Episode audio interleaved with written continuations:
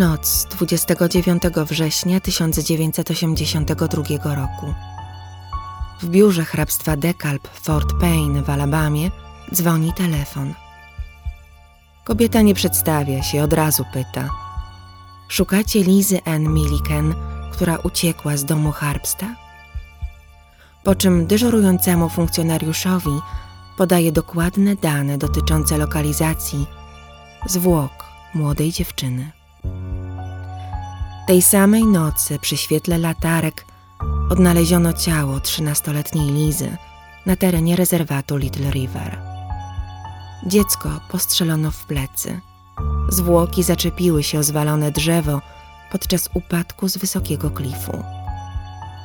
Dopiero rankiem ciało owinięto liną i wyciągnięto z dna przepaści. Znaleziono również trzy strzykawki w pobliżu zwłok oraz poplamione prawdopodobnie krwią dżinsy. Policjanci nie wiedzieli, czy znalezione przedmioty mają związek ze sprawą. Na dnie kanionu walało się sporo śmieci, jednak intuicja podpowiedziała im, by przekazać być może dowody do Departamentu Nauk Sądowych w Alabamie w Huntsville. Jak doszło do śmierci trzynastoletniej Lizy? Kto i dlaczego ją zamordował? A przede wszystkim, kim była anonimowa kobieta, która wiedziała, gdzie porzucono zwłoki dziewczynki? Posłuchajcie. Alvin Howard Neely Jr. urodził się w Georgii w 1953 roku. Wcześniej wszedł w konflikt z prawem. Parał się kradzieżą samochodów już jako nastolatek. 24-letni Alvin ożenił się z Joanne Browning. W ciągu trzech lat urodziło się troje ich dzieci. Gdy poznał 15-letnią Judith Ann Adams, rodzina przestała się dla niego liczyć.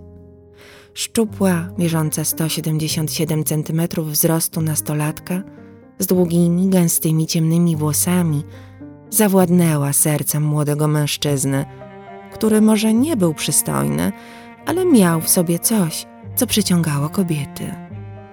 Alwin z pozoru był sympatycznym facetem, nieco pulchnym, o łagodnej, okrągłej twarzy i miłym uśmiechu, który wkrótce zgaśnie na policyjnych zdjęciach.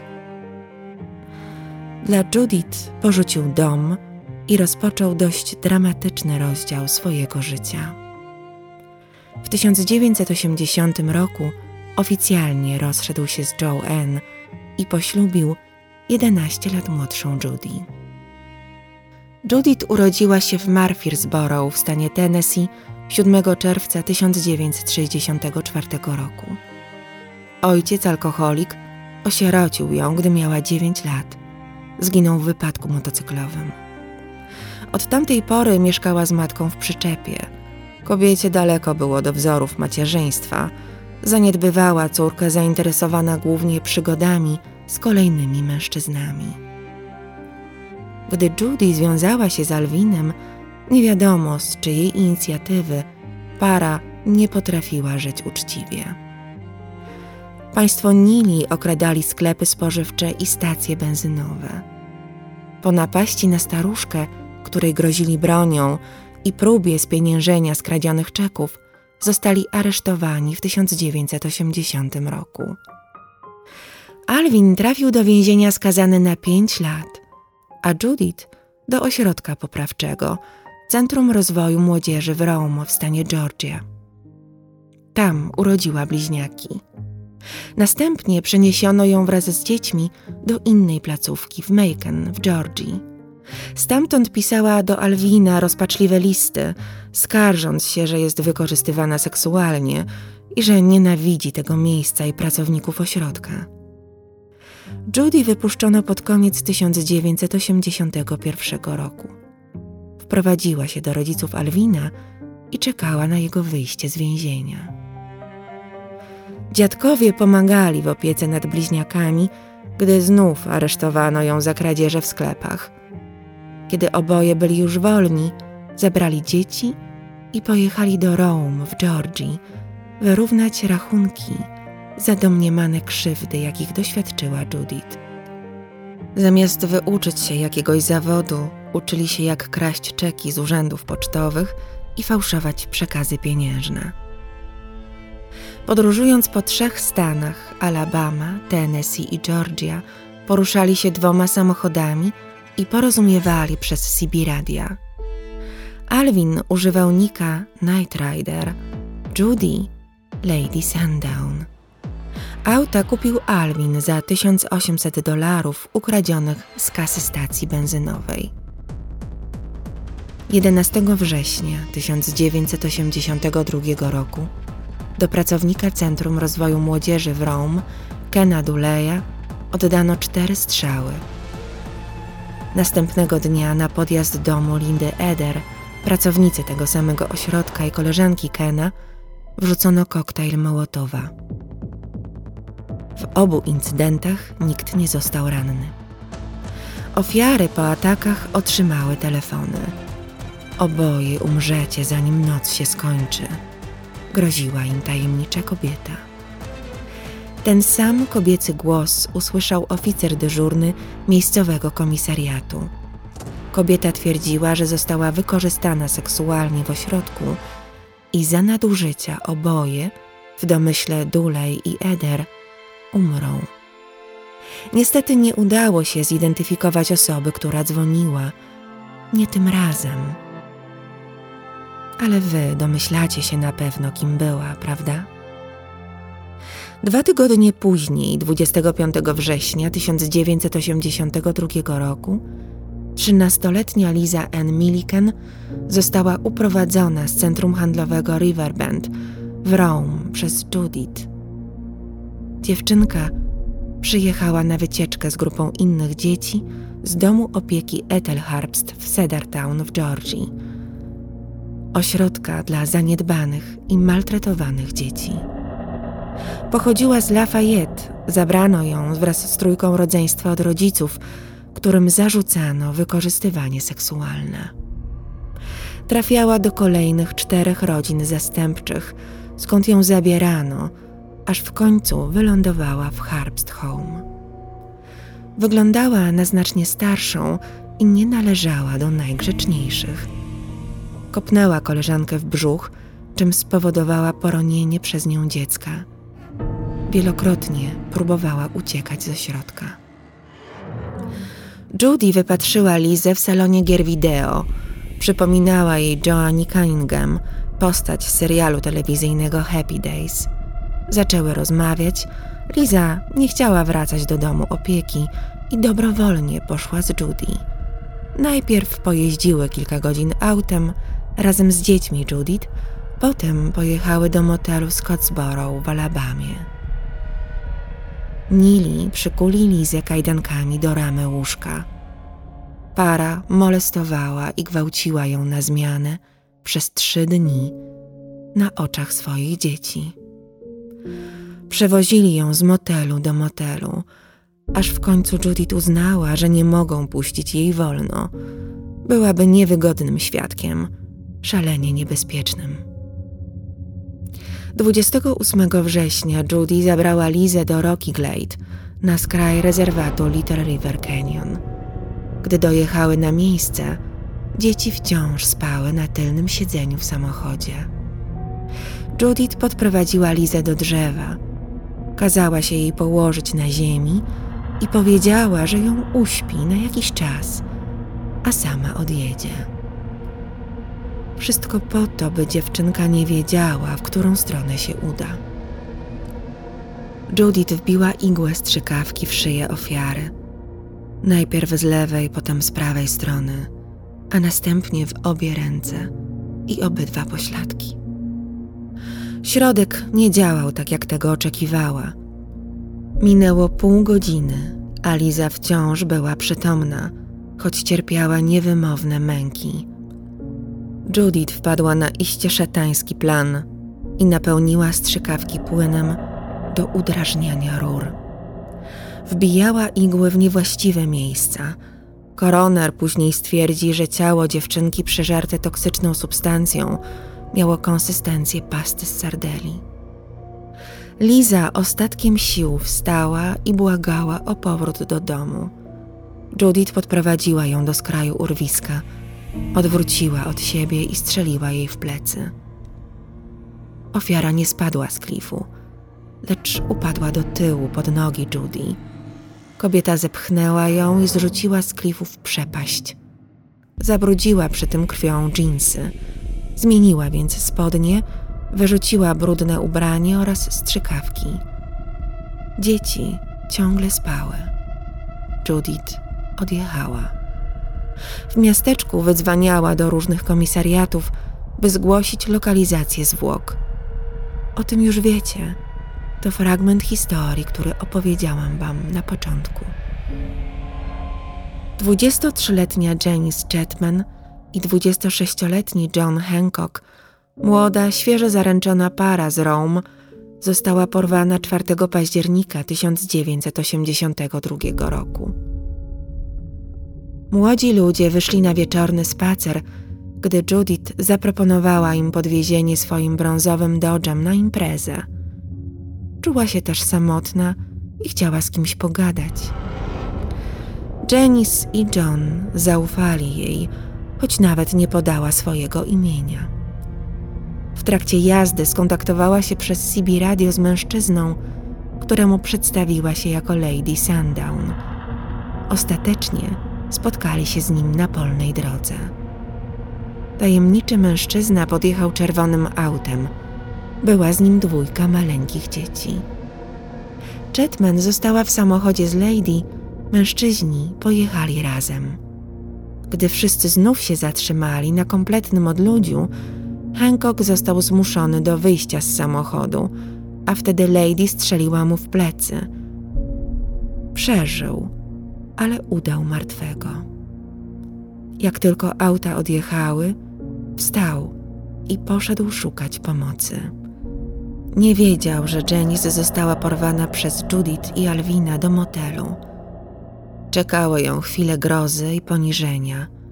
Para torturowała i molestowała młodą kobietę, a w końcu zabiła. Pierwszy strzał podobno oddała Judy, dwa kolejne, gdy kobieta zaczęła krzyczeć Alwin. Ciało porzucili przy bocznej drodze w hrabstwie Chattuga, stanie Georgia. Parę śledził wytrwale detektyw Kenneth Kynes od chwili, gdy 29 września odnaleziono zwłoki Lizy. Początkowo uważano, że dziewczynka uciekła w czasie wycieczki, ale po tajemniczych telefonach i odnalezieniu jej ciała śledztwo weszło na nowe tory. Kynes przesłuchiwał inną trzynastolatkę, Debbie Smith, której 4 października tajemnicza młoda kobieta zaproponowała podwiezienie brązowym samochodem, gdy wracała ze szkoły. Detektyw odtworzył jej taśmę, jaką nagrano podczas telefonicznego anonimowego zgłoszenia. I teraz wyobraźcie sobie, następuje nieprawdopodobny zwrot akcji. W tej samej chwili obok pokoju przesłuchań przechodził John Hancock, który składał zeznania w związku z uprowadzeniem i postrzeleniem. Rozpoznał głos. To ta cholerna kobieta, która mnie postrzeliła, wykrzyknął. Nagranie pomogło rozwiązać jeszcze jedną sprawę po porównaniu z zarejestrowanym głosem osoby, która dzwoniła na policję w sprawie incydentów wobec pracowników ośrodka w Rome. Sprawdzono 25 dziewcząt, które przebywały w ostatnim czasie w centrum. Nie ulegało wątpliwości, że pasowało tylko jedno nazwisko Judith Neely. Zarówno Debbie, jak i Hancock rozpoznali ją na policyjnych zdjęciach. Śledczy znali już personalia oprawców. Ogromny postęp w sprawie doprowadził do szybkiego zakończenia śledztwa. Policjanci pojechali do domu matki Judy. Okazało się, że niedawno odwiedziła ją z mężem i dziećmi i zostawiła dowody rzeczowe, takie jak Sibiradia, kajdanki i noże. Judith została aresztowana 9 października 1982 roku za wypisywanie czeków bez pokrycia w motelu w rodzinnym Murphysboro w Tennessee, Alvin trafił za kratki kilka dni potem. Za wszystko obwiniał młodą żonę. Dodał jej nawet więcej ofiar. Twierdził, że było ich osiem, a może i piętnaście. Do dziś nie udało się rozwiązać tej zagadki. Nili zatrudnił obrońcę i chociaż policja spodziewała się, że będzie milczał jak grób, okazał się bardzo rozmowny. Jak mówiłam, za wszystko winił Judy. Za planowanie i dokonywanie zbrodni. To niebezpieczna osoba. Tak powiedział o swojej ukochanej. Przekonywał, że bał się jej. Wskazał też, gdzie porzucili ciało Chetman. Zupełnie co innego opowiadała Judith. Nie potrzebowała adwokata. Była spokojna i rzeczowa. Przyznała się do ataków na pracowników ośrodka, w zemście za to, że ci ludzie zmuszali ją do prostytucji poza centrum, co okazało się kłamstwem. Twierdziła, że Alvin znęcał się nad nią, bił kijem baseballowym, a nawet pistoletem. Zabijała, bo, cytuję, Alvin jej kazał. Miała mu wyszukiwać inne partnerki seksualne. Wezwana na świadka pierwsza żona Alwina, Joan Browning, potwierdzała słowa Judith. Odmalowała portret męża jako damskiego boksera i przemocowego partnera, który przez trzy lata małżeństwa wywoływał u niej lęk o życie własne i trójki ich dzieci. Oskarżyciel zarzucił jej, że nigdy nie zgłosiła się po pomoc. Nie było dowodów uszkodzenia ciała, choć podobno bił ją każdego dnia. W odpowiedzi Joan rozpłakała się i więcej nic już nie powiedziała. Świadkowie bez problemów rozpoznali w Judith sprawczynię porwania Janice Chetman i Johna Hancocka. Proces rozpoczęto 7 marca 1983 roku. Bob French, wyznaczony na obrońcę Judith z urzędu, nie znosił swojej klientki, ale robił co mógł. Nie udało mu się doprowadzić do uznania jej za młodocianego przestępcę ani za osobę niepoczytalną. Testy wykazały, że cechuje ją wysoka inteligencja, nie ma urojeń ani tendencji samobójczych. Zanim stanęła przed sądem, French doprowadził ją do porządku, mówiąc kolokwialnie. Dopiero co urodziła w areszcie trzecie dziecko, synka. Była też mocno zaniedbana. Zajął się nią dentysta. French kupił jej porządne ubrania w najlepszym sklepie z odzieżą damską w hrabstwie. Miała objawić się na sali sądowej jako skromna ofiara Alwina. French miał z nią niezły zgryz – Dziewczyna lubiła przekomarzać się z nim i często się uśmiechała na oczach sędziego i ławy przysięgłych. Adwokat rozegrał to na swój sposób.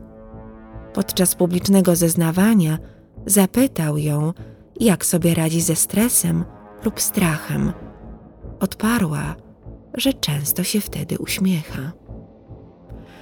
Opowiadała, że dla romantycznego Alwina porzuciła dotychczasowe życie – Romantyzm szybko przerodził się w brutalną rzeczywistość.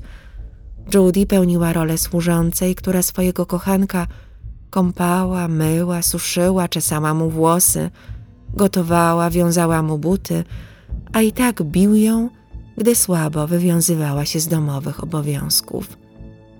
Nauczył ją fałszowania czeków, był zabójczo zazdrosny. Tak, uprowadziła Lizę, ale tylko dlatego, że Alwin zażyczył sobie dziewicy.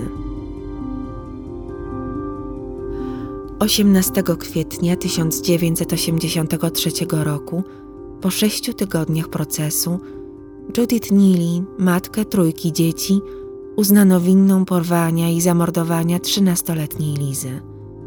Ława przysięgłych, siedem kobiet i pięciu mężczyzn sugerowała karę dożywocia.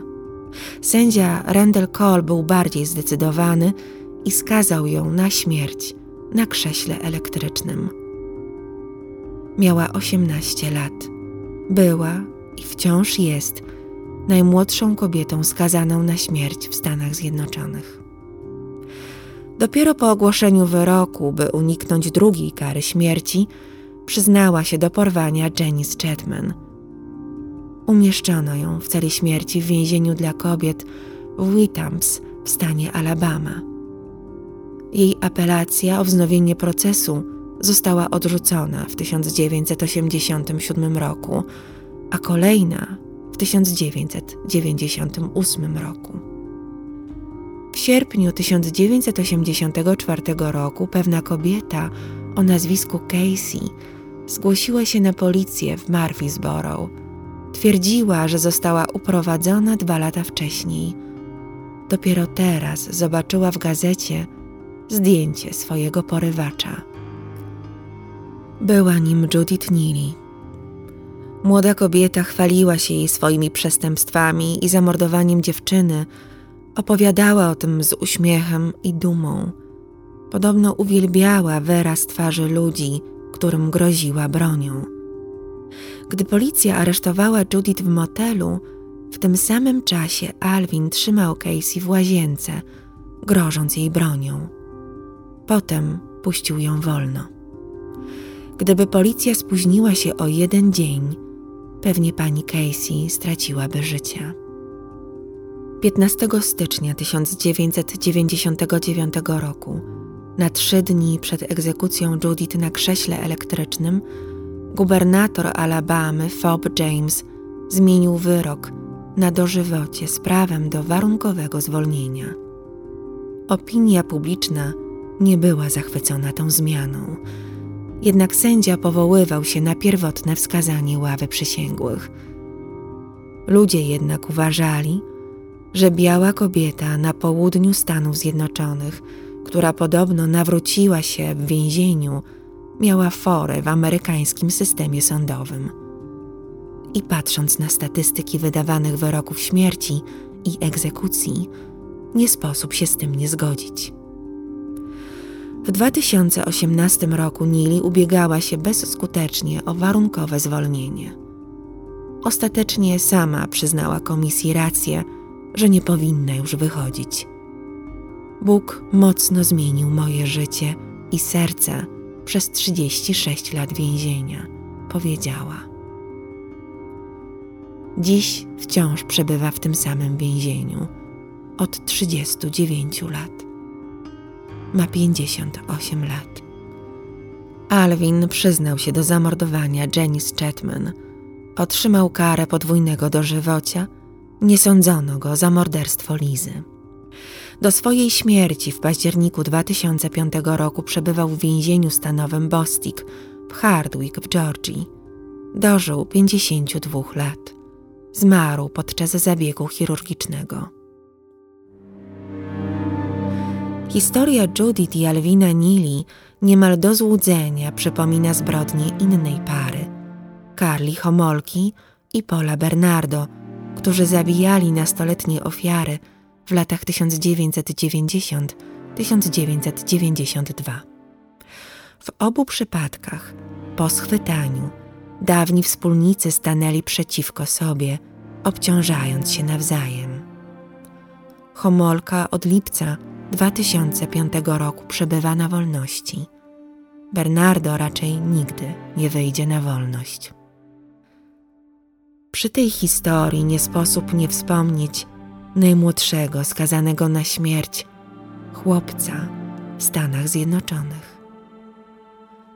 Czternastoletni czarnoskóry George Junius Stinney został skazany niesłusznie na śmierć na krześle elektrycznym. Wyrok wykonano 16 czerwca 1944 roku.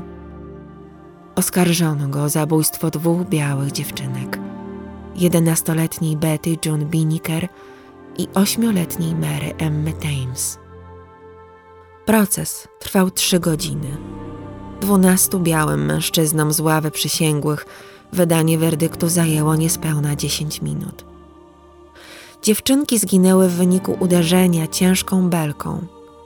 Sekcja zwłok wykazała co najmniej sześć uderzeń u Mary i siedem u Betty. Mimo to sędzia i przysięgli uznali, że winny jest ważący 40 kg nastolatek, który nawet nie uniósłby narzędzia zbrodni. W dniu wykonania wyroku chłopiec nie powiedział ostatniego słowa. Nie chciał nic mówić, choć tuż przed egzekucją był przy nim jego ojciec. Chłopiec był tak drobny, że, aby móc przeprowadzić egzekucję na krześle elektrycznym, posadzono go na grubej książce, na Biblii. Maska, jaką nakłada się skazańcom podczas egzekucji, była na niego za duża i w trakcie zsunęła się, odsłaniając popaloną głowę, spływające łzy i ślinę. Zmarł po ośmiu minutach. Pogrzebano go w nieoznaczonym grobie w Sumter w Karolinie Południowej. Jest jak dotąd najmłodszym człowiekiem skazanym na śmierć w Stanach Zjednoczonych. Oby nigdy taka sytuacja się nie powtórzyła. Dopiero 18 grudnia 2014 roku sąd w Karolinie Południowej uznał, że Stinney został skazany niesłusznie i nie zapewniono mu podstawowych praw gwarantowanych przez konstytucję. Rychło w czas, nie sądzicie? Powieść Zielona Mila Stephena Kinga i jej ekranizacja zostały zainspirowane opisanymi wydarzeniami. W filmie zamiast chłopca mamy potężnie zbudowanego mężczyznę, łagodnego, dobrego, bojącego się ciemności Johna Coffeya, oskarżonego o gwałt i zamordowanie dwóch dziewczynek i również straconego na krześle elektrycznym. Niesłusznie. Mam wrażenie, że świat się nie zmienia. Drapieżnikiem nie zawsze jest mężczyzna. Kobiety morderczynie są tak samo okrutne i złe. Próbują manipulować i wykorzystywać swoje atuty tak zwanej słabej płci. Dlatego ciężej je złapać, a jeszcze trudniej wydać na nie surowy wyrok.